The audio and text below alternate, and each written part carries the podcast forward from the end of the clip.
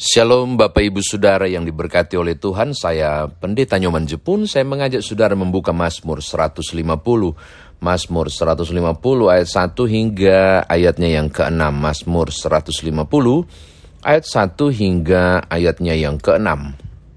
Sebelumnya mari kita berdoa. Terpujilah Engkau Bapa dalam Kristus Yesus untuk hidup yang diberkati hingga hari ini.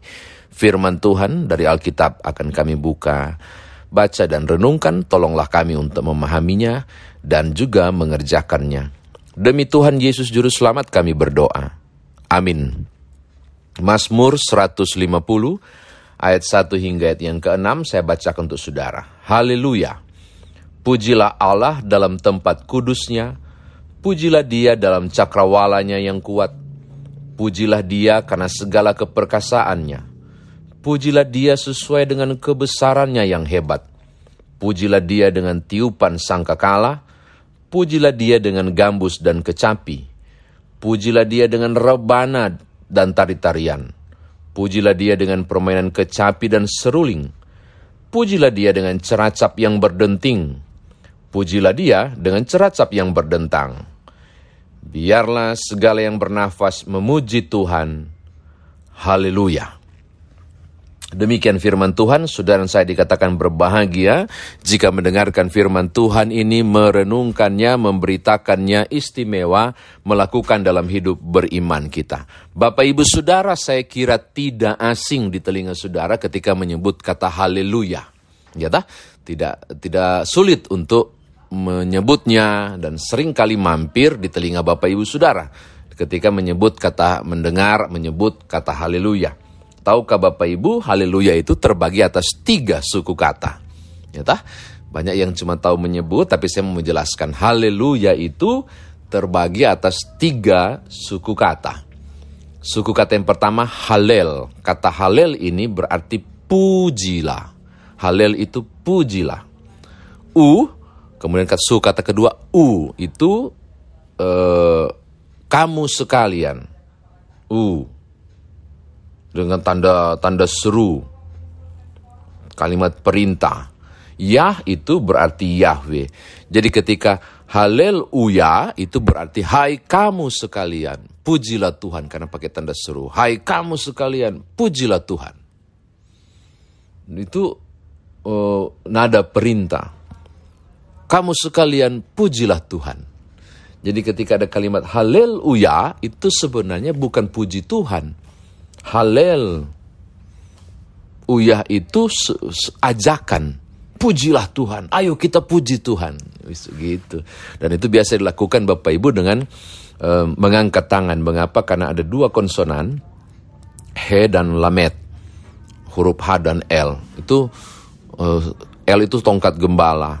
Kalau he atau ha itu orang sedang mengangkat tangan. Jadi mengangkat tangan ke arah mana? Ke tongkat gembala. Siapakah itu? Ke Yahweh. Jadi ketika orang mengatakan haleluya, itu sambil ngangkat tangan Bapak Ibu karena simbol-simbol ini haleluya mari kita memuji Tuhan dan itu diungkapkan dengan nada riang itu disampaikan dengan nada sukacita jadi kalau sudah katakan haleluya ah itu nggak ada guna itu nggak pas dengan maksudnya tapi kalau saudara katakan haleluya Haleluya. Haleluya. Kira-kira begitu. Jadi berperbedaan dan penekanannya sangat penting untuk menjiwai semangat untuk memuliakan Tuhan. Oke, ini catatan saya yang pertama. Yang kedua Bapak Ibu, di manakah pemujaan dan pengagungan, pemujian kepada Tuhan itu dilakukan? Ini dua lokasi saudara akan menemukannya. Tolong lihat pada ayat 1a pujilah Allah di tempat kudusnya. Ini bicara soal dua hal di tempat kudusnya. Entah para malak surgawi di tempat kudus Tuhan di sorga, atau tempat kudusnya itu di rumah ibadat. Di rumah ibadat. Kita ambil saja pengertian yang pertama. Maka kita akan mendapatkan di manakah puji-pujian itu dilakukan di dunia ini dalam kumpulan berjemaat di rumah ibadah haleluya atau pemujaan kepada Allah, puji-pujian kepada Allah itu dilakukan. Itu tempat pertama. Tempat yang kedua tolong lihat ayat 1b. Pujilah dia dalam cakrawalanya yang kuat. Pujilah dia di dalam cakrawalanya yang kuat. Ini berbicara soal kehidupan. Di mana pun saudara berada, itu bisa dilakukan. Sehingga memuji Tuhan tidak hanya di tempat ibadah. Memuji Tuhan bisa dilakukan di berbagai situasi, keadaan, dan tempat. Ini catatan saya yang kedua.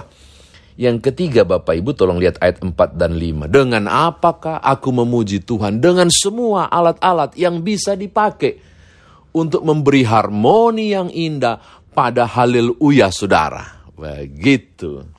Alat musik apa pun silahkan pakai untuk memuji Tuhan. Pujilah dengan rebana dan tari-tarian, kecapi dan seruling, ceracap berdentang atau cerapat ceracap berdenting. Pakai itu untuk menopang puji-pujian. Cuma saya mau kasih tahu Bapak Ibu, yang menyebut haleluya itu mulut. Yang memuji Tuhan itu mulut alat itu dipakai menopang harmonisasi pujian. Bagian yang utama adalah pita suara, bagian yang utama adalah mulut saudara, bagian utama adalah uh, bagian lidah saudara yang berkata, Haleluya, aku memuji Tuhan, aku mengagungkan engkau. Musik tidak bisa bicara. Musik tidak bisa berkata untuk menunjuk kode-kode rohani. Memang musik bisa bilang Yahweh, musik bisa bilang Allah, musik bisa bilang Yesus Kristus. Enggak, enggak bisa. Musik cuma neng neng neng neng itu penopangnya. Maka silakan pakai alat apa pun, tetapi dia cuma penopang. Dia cuma pengampu. Unsur utama adalah pita suara, unsur utama mulut saudara, unsur utama bibir saudara yang mengucap, terpujilah Yesus Kristus Juru Selamat. Musik nggak bisa bilang. Nah gitu. Terakhir Bapak Ibu Saudara, saya suka ayat 6. Alasan mengapa orang memuji Tuhan. Biarlah segala yang bernafas memuji Tuhan. Kenapa sih saya harus memuji Tuhan? Saya mau kasih tahu saudara. Kenapa saudara harus memuji Tuhan? Kenapa saya harus memuji Tuhan? Karena engkau dan aku masih bernafas. Kalau tidak mau memuji Tuhan, minta Tuhan cabut napas saudara dan saya. Itu sudah cukup untuk bilang gak usah puji Tuhan. Karena mereka yang masih bernafas, mereka yang memuji Tuhan. Saya kira demikian firman Tuhan ditafsirkan bagi kita. Nah sekarang bagaimana kita bawa dalam kehidupan beriman kita. Bapak Ibu tolong lihat ayat yang kedua. Pujilah dia karena segala keperkasaannya.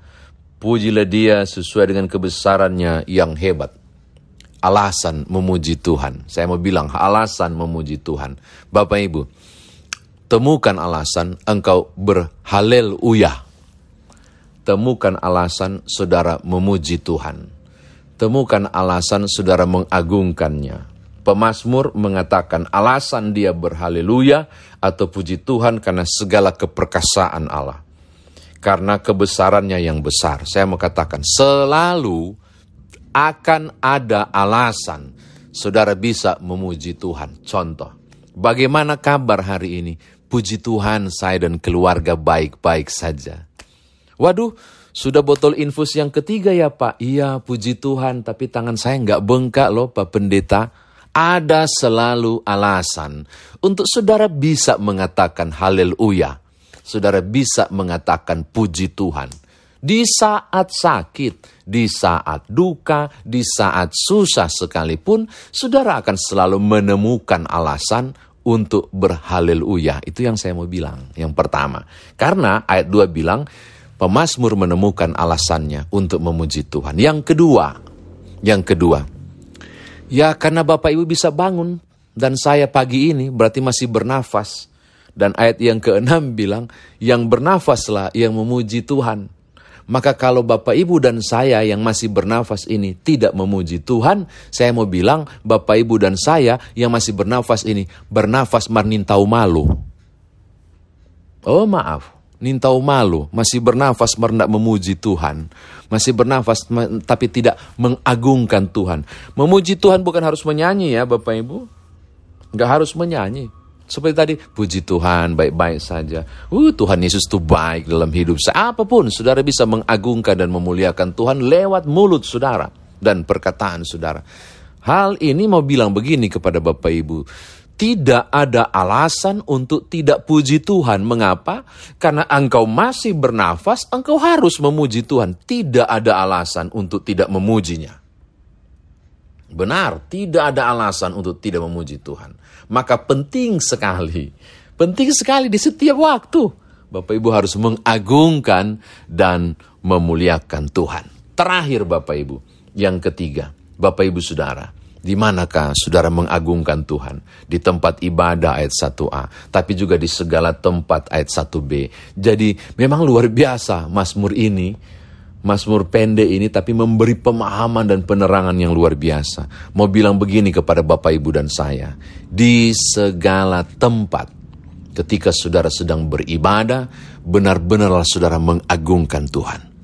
Dalam hidup saudara, ketika lagi barangkali masak mungkin, ketika barangkali sedang kerja di dapur barangkali, saudara selalu punya kesempatan dan peluang untuk memuji dan mengagungkan Tuhan.